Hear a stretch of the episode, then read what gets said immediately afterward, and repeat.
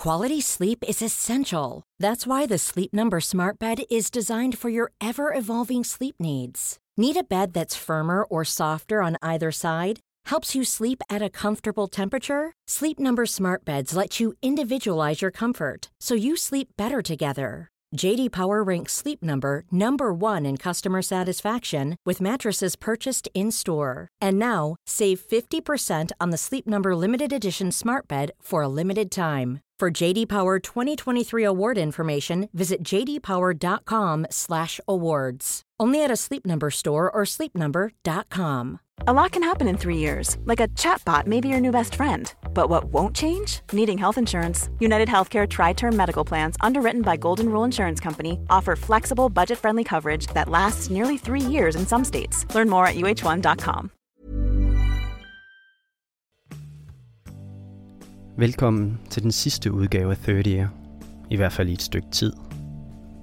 30 Year er løbet tør for skejser. Kassen er tom, så vi bliver nødt til at holde en pause, mens vi forsøger at rejse penge til en sæson mere. Men hvis du holder øje med vores hjemmeside og med vores nyhedsbrev, så skal vi nok råbe op, når vi får penge til flere programmer. Og nu det her er den sidste 30 Year i et stykke tid, så skal temaet i dag være slutninger. Det skal handle om ting, der ender, Ting, der ikke længere findes. Ting, der er forbi, og som måske, eller måske ikke, kommer igen. Og for at nå frem til en slutning, så bliver vi nødt til at starte et sted. Og hvorfor ikke starte på banegården i Horsens? Det her er en optagelse fra en reportagetur i Midtjylland. Jeg sidder og optager banegårdsstemning til et program, jeg vil lave, da to unge piger sætter sig på bænken bag mig. Var jeg bare ude af døren og sådan noget. Og så begyndte han bare sådan, så siger jeg så, vi ses til ham. Så sagde han sådan, ja måske. Hvad? Ja. Så sagde jeg, hvorfor siger du ja måske? Så siger han, fordi du er så pisse sur. Så siger han så til mig. Så siger jeg, er jeg sur? Jeg er det Af ikke en eller anden sur. grund, så minder deres samtale mig om slutningen på en fransk film, som jeg så, da jeg var Det var bare det teenager. der i går, men det er altså ikke sur over mere tværtimod. Mm. Eller overhovedet ikke sur over der i morges. men- Jeg har aldrig set filmen igen, og jeg aner ikke, hvad den hedder. Men slutningen står helt klart for mig. Så siger jeg jeg er ikke sur. Jeg synes, det er træls ved med at sige, at jeg er sur, for så bliver jeg sur. Mm. Og det må han forstå. I filmens sidste scene sidder de to hovedpersoner, manden og kvinden, på en café. De har været så grueligt meget igennem, men nu har de altså fået hinanden til sidst. Det ligner en lykkelig slutning. Kvinden rejser sig op. Hun skal ud og pudre næsen, eller hvad det nu er, kvinder i franske film gør på toilettet. Manden sidder alene tilbage ved bordet. Han tager hendes serviet. Han skriver noget på den, og så skubber han den tilbage til hendes plads. Og så rejser han sig op og går. Kvinden kommer tilbage fra toilettet, og igennem vinduet fanger kameraet manden, der forsvinder omkring et hjørne bag hendes skulder. Hun ser servietten, tager den op, og alle kan læse hendes ansigt, hvad der står på den. Der slutter filmen. En rigtig filmslutning. Men sådan er der ikke noget, der slutter i virkeligheden. Det er umuligt. I virkeligheden vil hun vide, hvor han bor. I virkeligheden vil hun have hans mobilnummer, og hun vil ringe og sige, hvor er du? Der er vist noget, vi lige skal have snakket om her. I virkeligheden vil de mødes i næste weekend til en fest hos nogle fælles venner, og det vil være akavet. I virkeligheden på Horsens Banegård får en af pigerne en sms. Er du sur, står der. Jeg ved, jeg skriver. Nej, jeg er ikke sur. Hvad skal jeg skrive? Nej, jeg er ikke sur. Øhm, nej. ja, det, det ikke skrive. I virkeligheden så fortsætter historierne. I virkeligheden i Horsens, der har han låst sig inde på toilettet, fordi hun ikke vil vise ham sine bryster. Du har set det 3.000 gange, hvorfor skal jeg så stå som en flaske med Ja. Er. Og så er det bare princippet. Det var ikke fordi, jeg ikke ville vise ham, set det mange gange. Det var bare princippet, at han begyndte på det der. Jamen, det skal du, og yde og sådan noget. Så siger han, nej, jeg gider det. Ej, altså. Så blev han pisse sur, at jeg ikke havde det. Ej, oh my god. Ja, han ikke oh my God. Han gik ned og låste døren til badeværelset. Og i virkeligheden så kan han ikke blive på toilettet for evigt. I virkeligheden bliver han nødt til at komme ud igen. Og i virkeligheden så får man aldrig slutningen på den slags historier. Fordi toget kommer, og man skal med, og fordi den slags historier aldrig ender. De vil nok gå fra hinanden, og hun vil finde en ny, og han vil spørge, om hun er sur, og hun vil sige, nej, jeg er ikke sur. Og jeg bliver rigtig sur, hvis du bliver ved med at spørge, om jeg er sur. Og det hele vil fortsætte. Sådan er det med de virkelige historier. Og det er de historier, vi har forsøgt at fortælle her på 30 Year. Vi har forsøgt at give historierne fra virkeligheden en særlig betydning. Vi har forsøgt at give dem en slutning. Og nu skal vi altså finde på en slutning til 30 Year. I de to år 30 Year har eksisteret, har vi lavet en masse små og store historier, som vi ikke har brugt til noget. En masse stumper af bånd, som vi aldrig fik plads til i vores programmer. Mest fordi de ikke rigtig passede ind i de enkelte temaer. Men vi synes altså stadigvæk, at der er gode historier imellem. Og vi vil meget gerne nå at spille et par af de bedste af dem for dig, mens der stadig er tid. Historierne har egentlig ikke noget med hinanden at gøre, men nu hvor vi har samlet dem og skal til at flette dem sammen til et program, så synes vi faktisk, at de alle sammen på en eller anden måde handler om slutninger. De handler selvfølgelig også om alt muligt andet, men nu hvor vi laver den sidste 30'er, så handler de sjovt nok alle sammen om ting, der ender. Når man står med en hammer i hånden, så er verden fuld af søm. Den første historie, vi har til dig, handler om en tid, der for længst er forbi. Slutningen på en æra. En tid, hvor Vesterbro var et andet sted, før barnevognene og fortorskaféerne rykkede ind. Dengang i starten af 1970'erne, da pornografien lige var blevet frigivet. Dengang Rødekaj og de andre gangster tjente styrtende med penge på sexshows i kælderlokalerne på Istegade.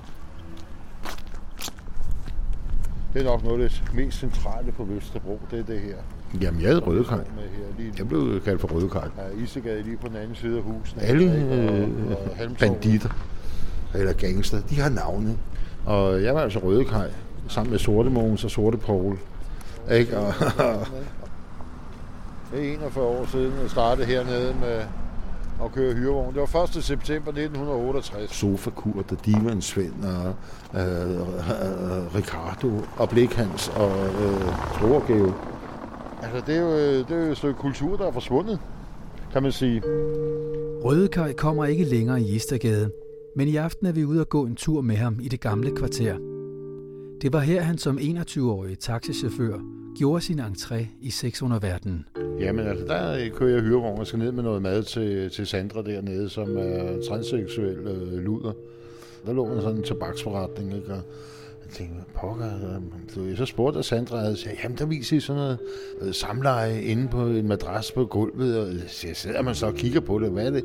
Ja, de, det, det er sådan porno live. Nå, okay.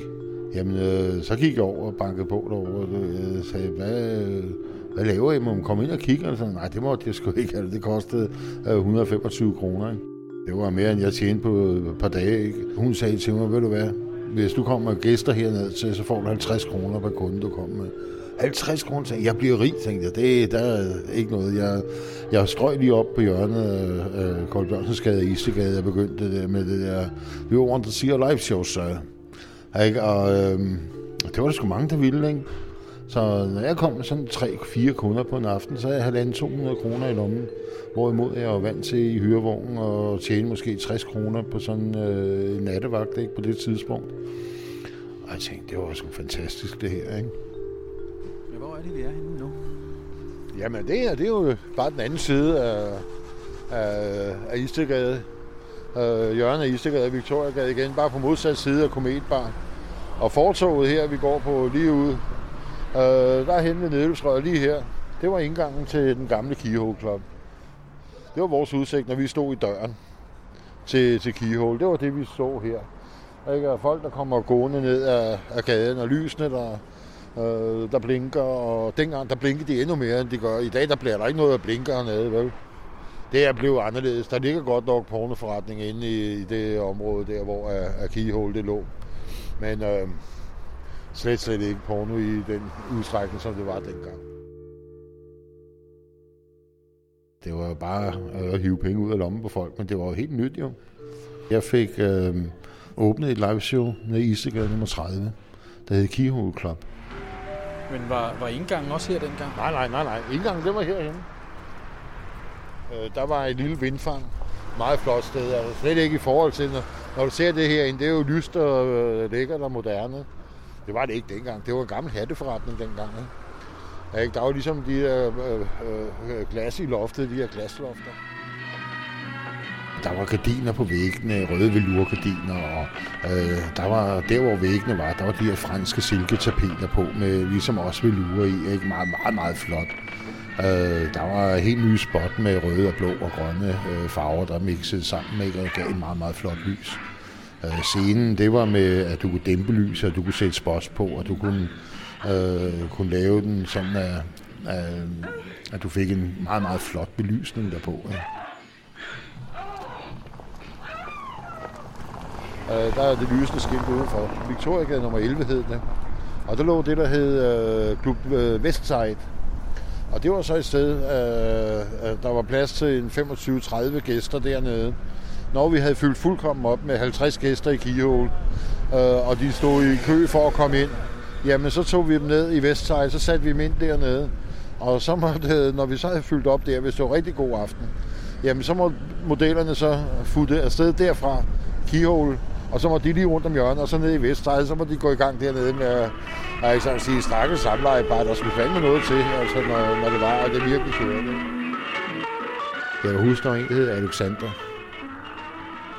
Uh, han var, uh, han var græker, og han havde altså en pik, uh, så flot, så flot. Meget, meget, meget, meget flot. Ja, utrolig flot. Altså, den, øh, den, øh, den stod på ham, og det var simpelthen så flot. Du kunne ikke slå den ned, det var ligegyldigt hvad. Når man først var kommet op og så, så var det ikke til at slå ned. Men øh, han kunne ligge derop, og så øh, øh, ligger bolden med hende. Og så kunne han række hånden ud, og så kunne han snuppe den der øh, øl af ham der nede på første række, han havde. Så tog han den, så rejste han sig op på en arm. Og så boldede han videre og viste, hvordan at han kørte ind med den, og så drak han øl samtidig. Ikke? Og han var helt ekstrem, han var helt ekstrem. Og der kan jeg huske, i, øh, i Keyhole, der havde jeg en uh, Janis Joplin, Mia My Bobby McKee. Og den stiger sådan i tempo hen efter, som hun begynder at synge den, ikke? og den går hurtigere og hurtigere og hurtigere og hurtigere, og til sidst så, øh, siger jeg sig. Og der var det store Øh, uh, nummer, det var at få den til at gå lige der. Ikke? For hun spillede den af efter den her rytme, der var i den her Mia My Bobby Magie. Ikke? Og når det var der, så kørte den videre med på, så kørte det hurtigt. Ikke?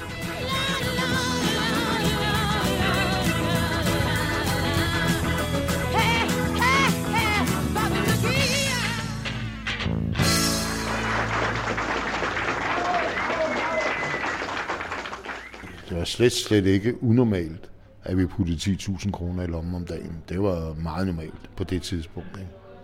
Hvad, hvad årsted er det i? Jamen, det er i 1971. Ikke det, øh, der koster en, øh, en, en pilsner omkring 4 kroner på et værtshus. Ikke? Så har det været i dag, ikke, så kan du sige, det har været 30-40.000 om dagen. Så det er sgu noget af en, en skilling, når man er 23 år og, og lever på Vesterbro. Ikke? Så, så fik man lige pludselig noget respekt og noget anseelse. Altså, det, det er det, pengene giver. Der var simpelthen så mange penge i, øh, i mine lommer, så jeg kunne, de kunne ikke være der. Ikke? Så jeg blev simpelthen nødt til at, at, øh, at læse af en gang imellem, og det gjorde jeg over på Kometbar. Ikke? Og der havde jeg en god veninde, der hed Aki. Ikke? Og hun passede på dem for mig, og vi lagde dem ind i gasovnen derovre og kæmpede i en af deres gasovne. Ikke? Og så, når jeg så havde fyldt lommerne op igen, så over ud i køkkenet på Kometbar. Og så tømte lommer igen ned i, og så over og fortsatte med at fylde lommerne op. Og sådan gik det dag ud og dag ind. Og dagen efter, så når jeg vågnede der om, om eftermiddagen, før banken lukkede, så tog jeg posen, så tog jeg en 50'er lige til øh, en kaffe og, og en pølsemad, eller hvad jeg skulle have. Og resten, det smed jeg hen i boksen, uden at ja, tænker videre over det. Jamen allerede, allerede i, øh, i øh, 1972 og starten af 73, øh, der dropper jeg ud af det her, fordi øh, politiet de bliver mere og mere MC, de kommer ofte og ofte, og øh, de tømmer det, der er i klubben, og til sidst så bliver det sådan noget snavs. Der bliver noget værd lort at have mere at gøre. Det er også noget helt nyt noget, det der. Men alt sammen hernede, det er nyt. Det var også det der, fanden var det?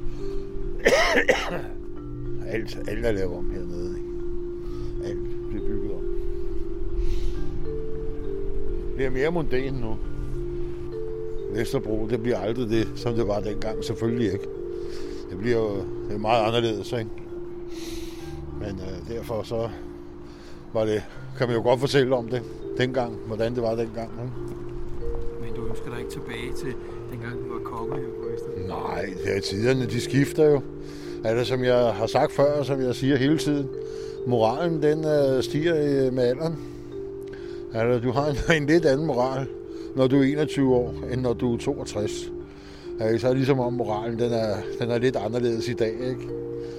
Altså, jeg kan da godt se, hvor, hvor forkert det var, både at lave, hvad jeg gik og gjorde, og alt det, vi lavede, det var i dag, der er det helt uacceptabelt, altså, når jeg tænker på det.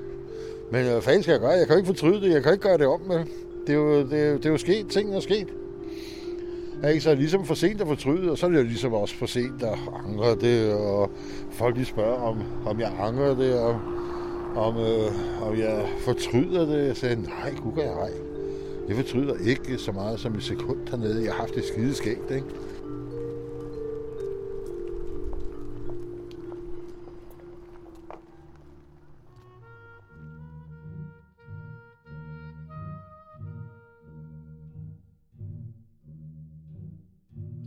Og sådan nåede vi til slutningen på historien om Rødekajs minder fra fortidens Vesterbro. Det var Kasper Søgaard, der havde lavet optagelserne, og Tim Hinman, der har produceret den. Temaet for programmet i dag er slutninger. Vi skal finde på den rigtige slutning til 30'er. Men det skal være en af den der slags slutninger, der giver håb for fremtiden. En slutning, der ikke er alt for endelig, en slutning ligesom den med ham på korset, som alle troede var død. Men så stod han op til påske og rullede stenen væk fra sit gravkammer. Sådan en slutning. Den næste historie er en af dem, som man tror er slut. Men så er den det ikke alligevel. Historien kræver en lille præsentation. For lidt over fire år siden døde Peter Christiansen. En af de allerbedste radiomager, der nogensinde har levet. Flere af os her på 30 har arbejdet sammen med Peter – og da han døde, fik vi lov til at rode i hans kæmpe store båndarkiv. Peter gemte alt, hvad han nogensinde har optaget, så der var flere hundrede kasser af gamle spolebånd. På et par af kasserne stod der modstandskamp. De kasser var fyldt med historier fra gamle modstandsmænd og kvinder, der kæmpede mod nazisterne under 2. verdenskrig. Og på et af båndene stod der fru Philipsen hos Gestapo. Det er den historie, vi skal høre slutningen på.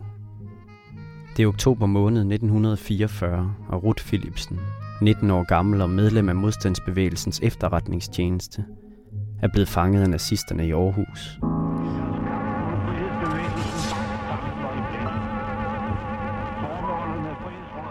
Hun er blevet kørt til Gestapos hovedkvarter på Aarhus Universitet. Et sted, som ingen modstandsfolk regnede med at slippe fra i live dengang. Så kom jeg ned i cellen,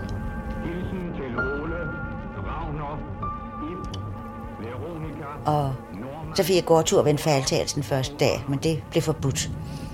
Så jeg sad der bare, og så hver morgen, så blev døren lukket op, og så blev der, det var sådan en cementgulv, og øh, briksen, man lå på, den blev låst om dagen. Så der var kun sådan en lille taburet, der var muret ned i gulvet, uden ryglæn, og så sådan en pult. Så sad man der hele dagen. Og jeg råbte jo op om, at jeg folkeretten, og ifølge folkeretten måtte jeg have en bibel og have noget at læse i, og jeg ville have min, jeg ville have min øh, toiletsager, og der var ikke noget. Jeg sad der bare. Og så om morgenen, så blev der smidt sådan en gulvspand vand ind. Den sådan, så man så røg op og stod på stolen.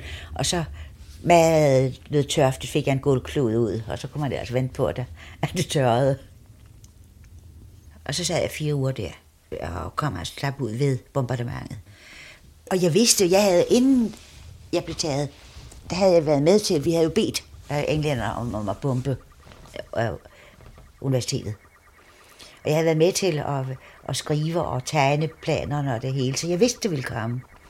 Og hver gang jeg sad, når jeg sad dernede og hørte, der var luftalarm, tænkte jeg, så, nu sker det. Og så var jeg, hvad det viser, senere viser at være heldig, var jeg op til forhør den dag. Og der sad de og der havde de fundet ud af, at jeg skulle til, til, til, til Tyskland. De siger, at de ved med at spørge, om jeg, hvad jeg helst ville, om jeg helst ville skydes, eller jeg helst ville i koncentrationslager.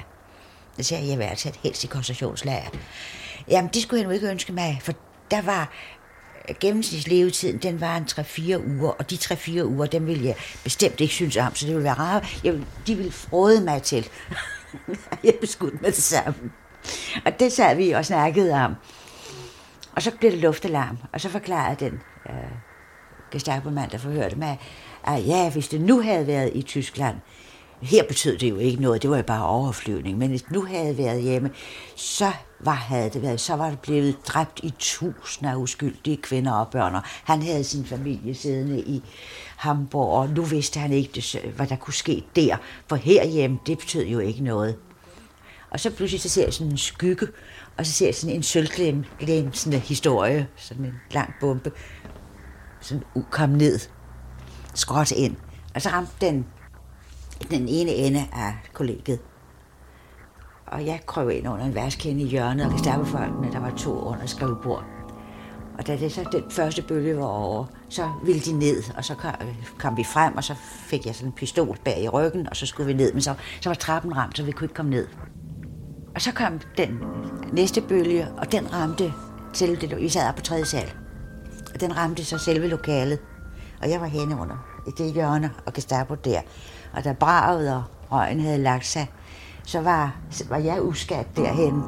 Men der var hul i gulvet, og skrivebord og Gestapo-folk, og det hele, de var forsvundet i dybet.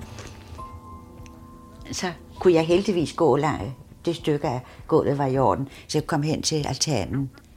Og så tog jeg fat og lod mig dumpe ned. På tredje sal? Ja, der skete intet. Der var græs nedenunder. Og nu er de, etagerne er ikke så færdig høje, men det var altså så for tredje. Der sprang en maske fra min strømpe. Det var en katastrofe dengang, for det kunne man jo ikke få. Og så, og det, men, øh, så kom jeg faktisk ubehageligt, for så skulle jeg til at vælge, om jeg skulle krøbe dækning, eller jeg skulle løbe. For det deroppe, der er jo ingen, der er jo ingen, der er ikke noget valg. Men det der, det var... Så tænkte jeg, nej, jeg må hellere se at komme afsted. Men de skød med maskingevær fra Landlandsgades kaserne. Og jeg skulle altså over vejen, lige midt i maskingeværen. Og så har jeg en fornemmelse med, at jeg tror også, de skød op fra maskinerne. Men jeg får afsted op over Ringvejen og over sådan et først kolonihaveområde, så kom jeg ind lidt her i sådan et villa-vej, og der kom nogle folk ud og halede mig ind. Men de var, der var sølvbryllup de var ikke særlig elskværdige. Ja. For de, kunne, de troede, at jeg var en af tyskerpigerne. Men så fik jeg forklaret dem, at jeg var faren og var flygtet derop fra. Og så blev de jo mad i går efter at komme af med mig, hvad jeg skal fortænke dem i. og så var der en politimand, der var under jorden, som var med til det. Og så han sagde, at han skulle nok hjælpe mig. Og så bad jeg om at komme ud til Pastor Berg ude i Rigskov, hvor vi havde sendeste, sendested ude af radiosendested. Ham havde vi haft en helt del forbindelse med. Og han skaffede mig så en vogn. Sådan en varevogn, eller han havde forbindelse med. Og de kørte mig derud. Og jeg så jo ud med kalk og snavs, og jeg ved ikke hvad. Og lige da jeg kom der ud, ud så stod øh, uh, Pastor hans kone og i overtøjet og skulle til middag ude på Varsnes gård.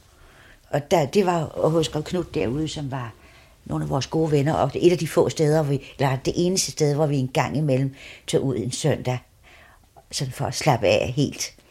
Han havde en helt del også med sådan noget at gøre. Og, og der, det var dejligt.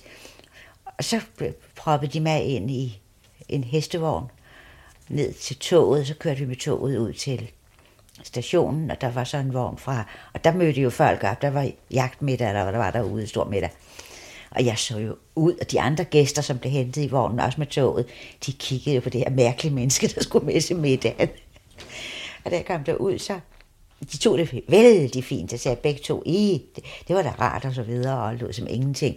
Og så forklarede de bagefter gæsterne, at det var Frøken Hansen fra København, der Øh, var under jorden og øh, havde mistet sin bagage, og derfor havde hun, var hun sådan, kom til at se lidt øh, derangeret ud. Og så lånte jeg, så kom jeg i bad. Det var det bedste, jeg havde oplevet længe. Og så lånte jeg noget af kompetensens tøj, og så gik jeg ned til middagen. Og det tror jeg var udmærket, fordi så havde man, altså, hvis man havde fået lov at ligge i sengen af under sig selv, ikke? De talte jo ikke om andet hele den midt om det her bombardement, og de havde hørt om det. De havde, I og alle var dræbt, og der var ikke en, en af fangerne, der havde overlevet. Og jeg sad og sagde, at det var da forfærdeligt, og det var da skrækkeligt, og tænk, du må være forfærdeligt for de stakkels fanger. Men det gik udmærket. Og det tror jeg var vældig godt, fordi øh, så kommer man ud af det. Engelske flyvere har i dag ved middagstid foretaget et angreb på Aarhus. Maskinerne kom fra Rigskov i lav højde ind over selve Aarhus by, hvor de kastede deres bomber. Aarhus Universitets bygninger samt det nærliggende villakvarter blev ramt af flere bomber. Foruden nogle tyske politifolk blev efter de hidtil foreliggende meddelelser 10 danske statsborgere dræbt ved angrebet.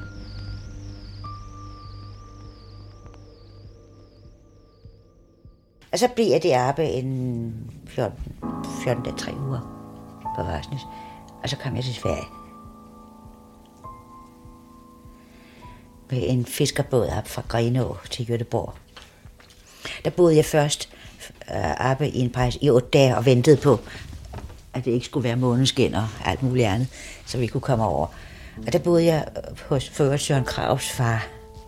De ved ham, præsten, ikke? Han var præst om dagen og modstandsmand om natten. Om natten, der sad vi og rensede geværer i vaskehuset. så meddelte Gestapo jo mor, at jeg var død.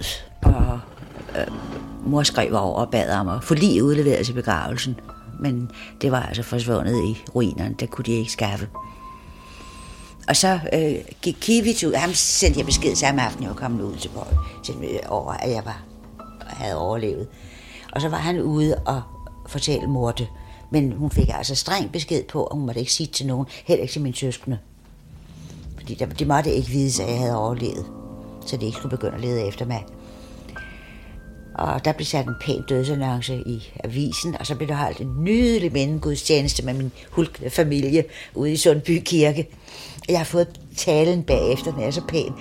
Men en gang med sådan trang til stiv mig selv af, så henter jeg min begravelsestale. Den er så nydelig.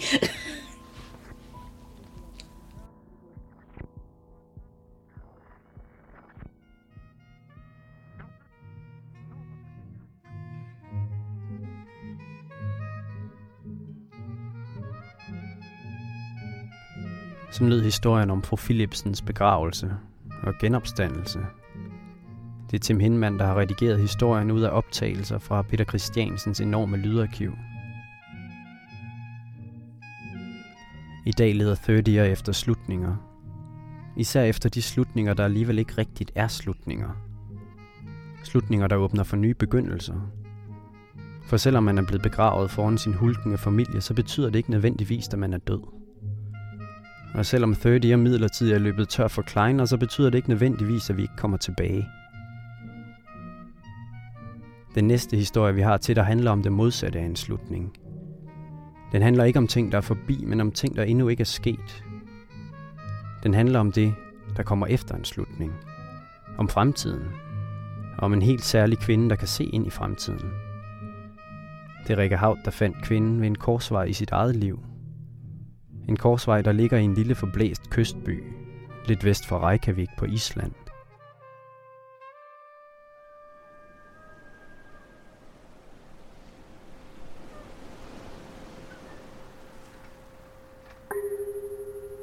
It's like a tiny peninsula stretching out into the bay. Jeg mødte en mand. It's uh, not a lot of trees. It's only around a few houses in town. Jeg rejste til Island for at se ham igen. But when, when you come driving to the town, it is on the end of the peninsula. It, uh, for at møde hans børn. My house is uh, pale grey, grayish white color with uh, green, like grass green roof. Det blev meget overvældende det hele. Um, jeg havde brug for en tænkepause. When I was a child, there were there were almost no trees. People had this myth that you couldn't grow trees where the ocean was, where the salt was coming, but that is nonsense. It's only a question of what kind of trees you choose to plant. Jeg tog en tilfældig bus ud af Reykjavik. Um, there's in every day almost every day you have wind of some kind and sometimes for days and days and days. Stod af i Akranes.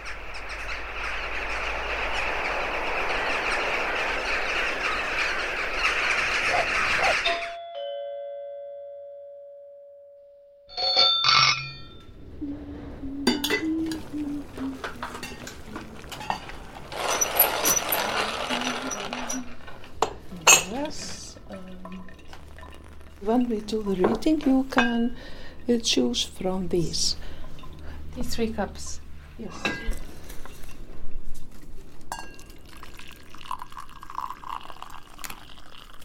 But after you drink the sip, you leave a few drops of coffee in the cup, turn it upside down over your head, circle the cup three, or like this, so first of all, three in one direction, three in the another. Put it down uh, in front of your face. Always keep it uh, upside down after you drank the sip, that is. Uh, and uh, cross it in front of your face and blow out of your mouth. It's like this. One, two, three, one direction. One, two, three, the opposite direction. How much do I leave? Uh, just a few drops. just a it's, few it's drops. like uh, less than a half teaspoon. It's, A bit more? uh, yes, drink a bit more from it. Like this? Yes, yes. Uh, Just drink Okay, and turn it. and now turn it? Turn it upside down. Yeah. Over yeah. my head? Yeah. Sorry for that. ah, yeah, yeah. You got a lot of coffee in your hand. Just tu- turn it. Okay. Yes, yes. And then Yes. one, two, two, three, and one. one, two, three.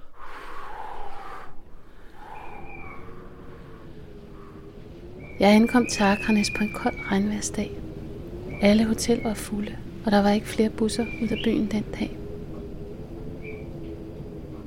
Do you know some song where people cough or sneeze, whether it's a part of the song?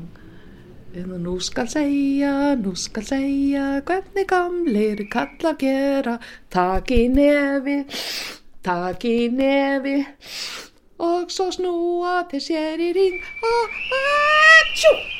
Måske kan min tante hjælpe, sagde pigen i supermarkedet. Now it's opening. Uh, you will experience the um, there is some kind of I don't know even if it is symbolical or if it is like I'm telling you, but somebody will make a lot of fuss out of a normal body noise. Kort tid efter kom en lille kvinde med en smøg i munden, kørende i en gammel amerikanerbil. Hendes navn var Sola. A whole new world. Uh, oh, my cat! I think she is hungry. Jeg fik lov til at bo hos Sola. Uh, can you open the door there? From, uh, Hendes mand var fisker. Han var altid til søs. Zelda. okay. My mother had coffee cups for ladies. Oh, you're going to go travel to foreign country, and yes, you're getting news from abroad. And the, the ladies, ladies, they were- they were very pleased with this. I had asked her many times to teach me how do you do this, and she always said no when I asked her. Finally, when I was 14 years old, she gave in. She told me this formation is a travel, this is a message from another country, maybe five or seven uh, symbols she told me about. You have to do the rest yourself, she said. I remember the first time I opened my mouth and just started. I think it was just like you initiate a building or road or something. This uh, uh, Lionel Richie songs. Do you know him? It's uh, I miss you like crazy. No, that's from another singer, isn't it? I miss you like crazy. No matter what you say do.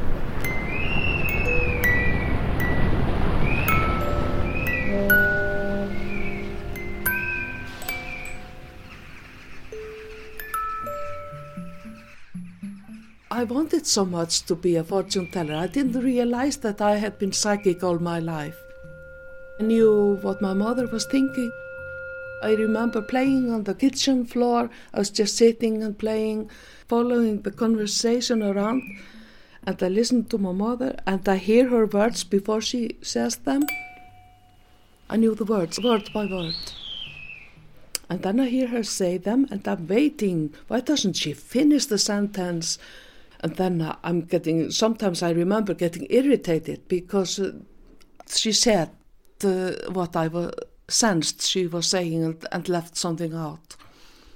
And uh, bum bum ba ba ba ba dum ba da da da da da ba dum bum bum bum bum bum bum bum bum bum bum bum I sing for people when it comes because it feels more right.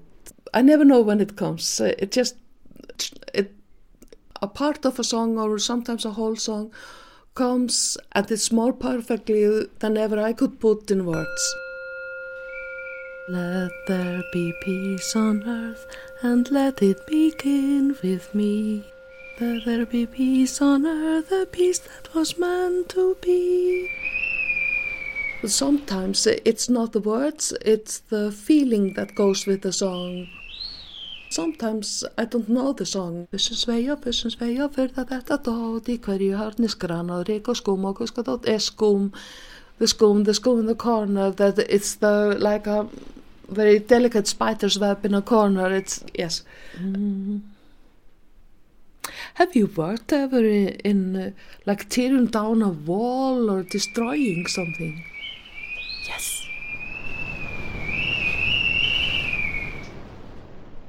I got flashes, flash, flash. There's a lighthouse. It's like stripe. I see this. I see the. There's very, very, very white sand. And see green, very long grasses. It's uh, and and then I hear this song uh, from Mols til Skagen. The Mols til Skagen. I don't know it, but it was the refrain of some song. I think it was in the Eurovision or something. I don't get the smell directly, but I get this. So the air comes from the ocean, it comes from the Atlantic. Okay, we get, we're getting closer, but uh, I trained myself when I was a teenager, starting to read coffee cups at, and the cards. I trained myself to forget as much as I could after I had been reading for people, so I wouldn't walk around with a lot of memories from a, a lot of people's lives automatically forget. So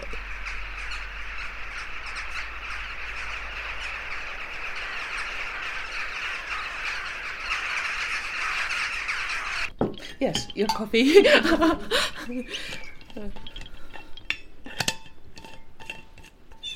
Being partly overshadowed. I don't know if it has happened before when you're interviewing me about this. Hmm. I sense uh, Elizabeth, that was a woman that was in school with me in Keflavik. Uh, she, some, she sometimes comes, she's uh, much around my husband on the other side. She is asking you to take good care of your arm. You need, when you have done the interview, to prepare to do something special for your arm in the evening. Think about it because else it will be easier for you to get like work related symptoms. Jeg gik en tur på bjerget den dag, og jeg troede, at bjerget ville sluge mig.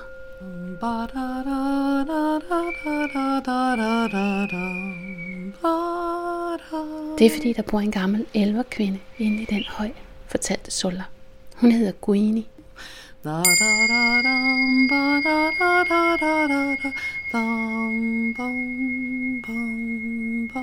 Hun er 176 år gammel. Makker kender hende også, sagde hun. Ba da da dum ba da da da da ya da dum. Makka. Da da da da da da da da da da da da. Ja, Makka. Hun sprøj kort og kaffekopper. Da, da, da, da, bum, Og hun er en af de eneste syngende spåkoner i verden. Du skulle tage og besøge hende, sagde Sola. Og det gjorde jeg. Igen og igen. I don't know the words, but then it repeats itself.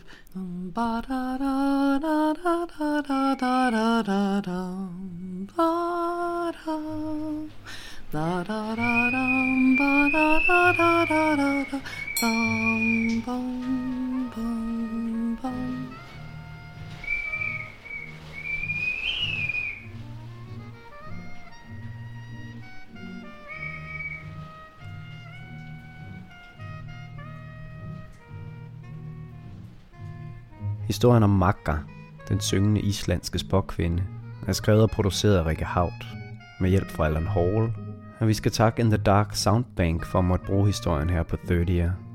30'er, som i dag handler om slutninger, enden på det hele. Men nu kan vi ikke trække den længere.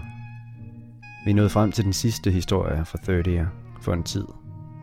Og vi har gemt en gammel kending til sidst. Vi slutter der, hvor eventyret startede for os, med to horn af guld. Eller i hvert fald to horn belagt med guld. I de sidste to år har vi brugt det meste af vores tid på at lede efter mennesker, der er noget ud over det sædvanlige. Mennesker, der har oplevet noget ud over det sædvanlige. Mennesker, der er usædvanligt gode historiefortællere. Eller mennesker, der bare er noget helt særligt. Og en sjælden gang imellem har vi været så heldige at finde det hele i en og samme person – nogle gange er man så heldig at finde en, som sætter en stolthed i sit arbejde, og som siger, hvis man er 20 så skal man med gøre det ordentligt, og som mener det. En for hvem det at sætte sig et mål her i livet betyder at bryde ind på et museum i Jelling og stikke af med guldhornene. En som konsekvent kalder fængslet for universitetet, og som siger, at andre folk har deres uddannelse, og jeg har min. En som sidder i arresten i Vejle og læser Vejle Amts Folkeblad, hvor der står guldhornene er i Jelling – og som bare tænker guld. Det her, det er bonus. En, som alligevel ikke kan få sig selv til at skære guldhornene midt over med en brødkniv, da han står med dem under M-hætten. Fordi det på en eller anden måde virker forkert. En, der tager guldhornene med ind i sengen til kæresten, som er sur, for hvad fanden har du gang i, Sonny? Du kan sgu da ikke stjæle guldhornene. Men som alligevel får hende til at grine, når han giver sig til at trutte i dem ved siden af i sengen.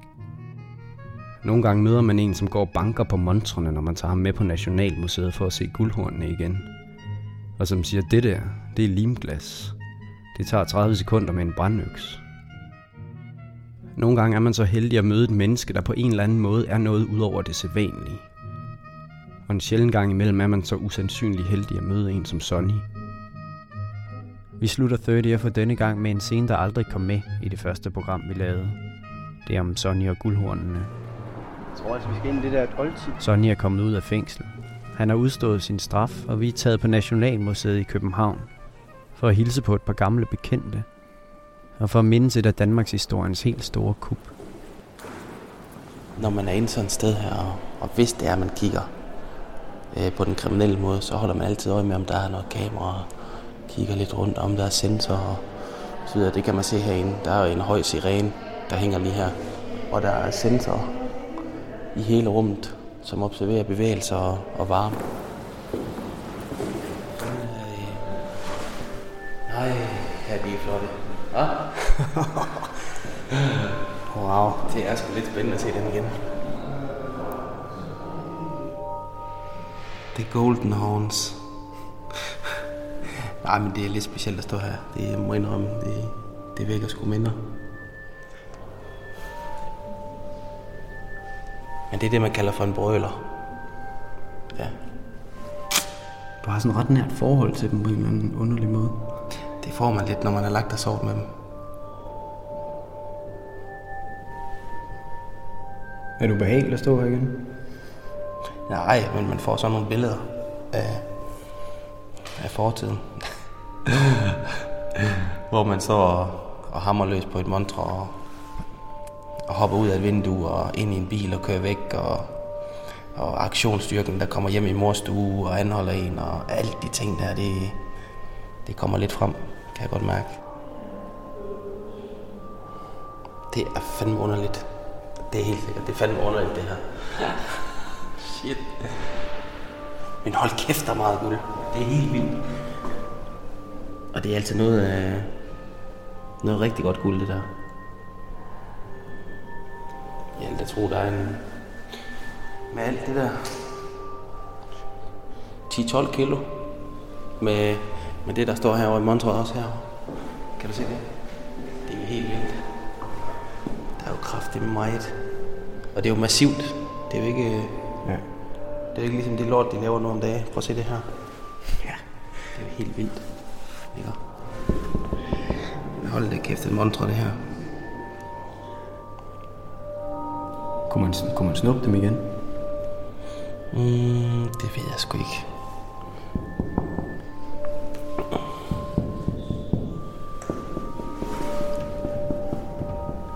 Den er alt for tyk.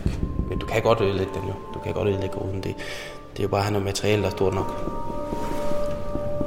Altså sprængstoffer eller hvad snakker vi om? Nej, du kan bare have en kæmpe øks. Du kan, det er nemt det der. Det tager selvfølgelig lidt tid jo.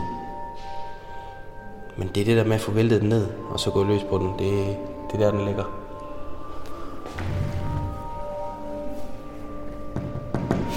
Men det, det kan godt lade sig gøre.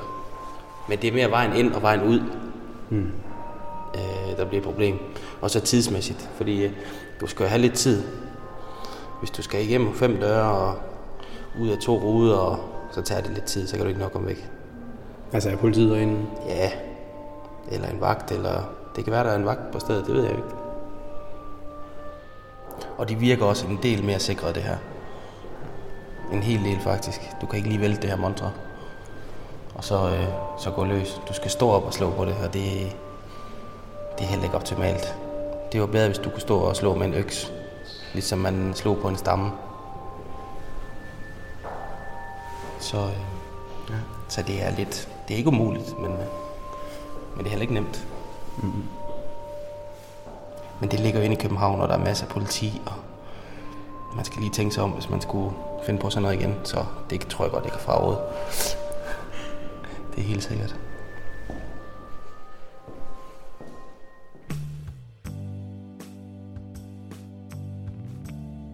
Du har lyttet til den sidste udgave af 30'er. I hvert fald for en tid. At spå om fremtiden, det skal man overlade til Makka og de andre spåkvinder. Når vi andre prøver, så tager vi næsten altid fejl, men jeg tør nu alligevel godt at sige, at vi høres ved. Snart. Og indtil da, så ligger alt, hvad vi har lavet i arkivet på vores hjemmeside, og der kan du også hente programmerne som podcast. Og ja, så tror jeg egentlig ikke, der er så meget mere at sige. Er der nogen af jer, der har noget? Nej. Nej. Jo, man kan jo stadigvæk høre Voxfanen nu. Ja, så mangler jeg bare at sige, 30 nummer 20 er skrevet og produceret af mig. Jeg hedder Christian Molsen. Der var indslag af Kasper Søgaard, Tim Hindmann, Peter Christiansen, Rikke Havt og mig selv. Det var Rasmus Bjerre og Torben Vild Iversen, der lavede musikken. Og det er Miriam Nielsen og Marie Brobakke, der står for det visuelle på vores hjemmeside. Kasper Rasmussen er vores webansvarlige, og Tim Hindman er redaktør på 30 Og det er også ham, der spiller den her guitar solo.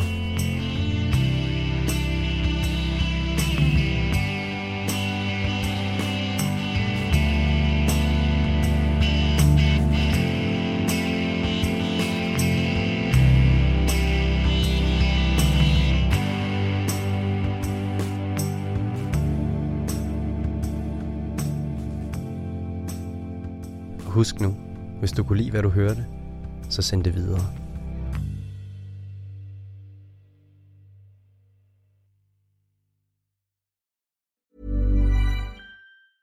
Even when we're on a budget, we still deserve nice things. Quince is a place to scoop up stunning high-end goods for 50 to 80% less than similar brands. They have buttery soft cashmere sweaters starting at $50, luxurious Italian leather bags, and so much more. Plus, Quince only works with factories that use safe, ethical, and responsible manufacturing. Get the high-end goods you'll love without the high price tag with Quince. Go to quince.com/style for free shipping and 365-day returns. When you make decisions for your company, you look for the no-brainers. And if you have a lot of mailing to do, stamps.com is the ultimate no-brainer. It streamlines your processes to make your business more efficient, which makes you less busy. Mail checks, invoices, legal documents, and everything you need to keep your business running with Stamps.com. Seamlessly connect with every major marketplace and shopping cart. Schedule package pickups and see your cheapest and fastest shipping options from different carriers with rates up to 89% off USPS and UPS rates. And with the Stamps.com mobile app, you can take care of mailing and shipping wherever you are. Make the same no-brainer decision as over 1 million other businesses with Stamps.com. Sign up with code PROGRAM for a four-week trial, plus free postage and a free digital scale. No long-term commitments or contracts. That's Stamps.com. Code PROGRAM.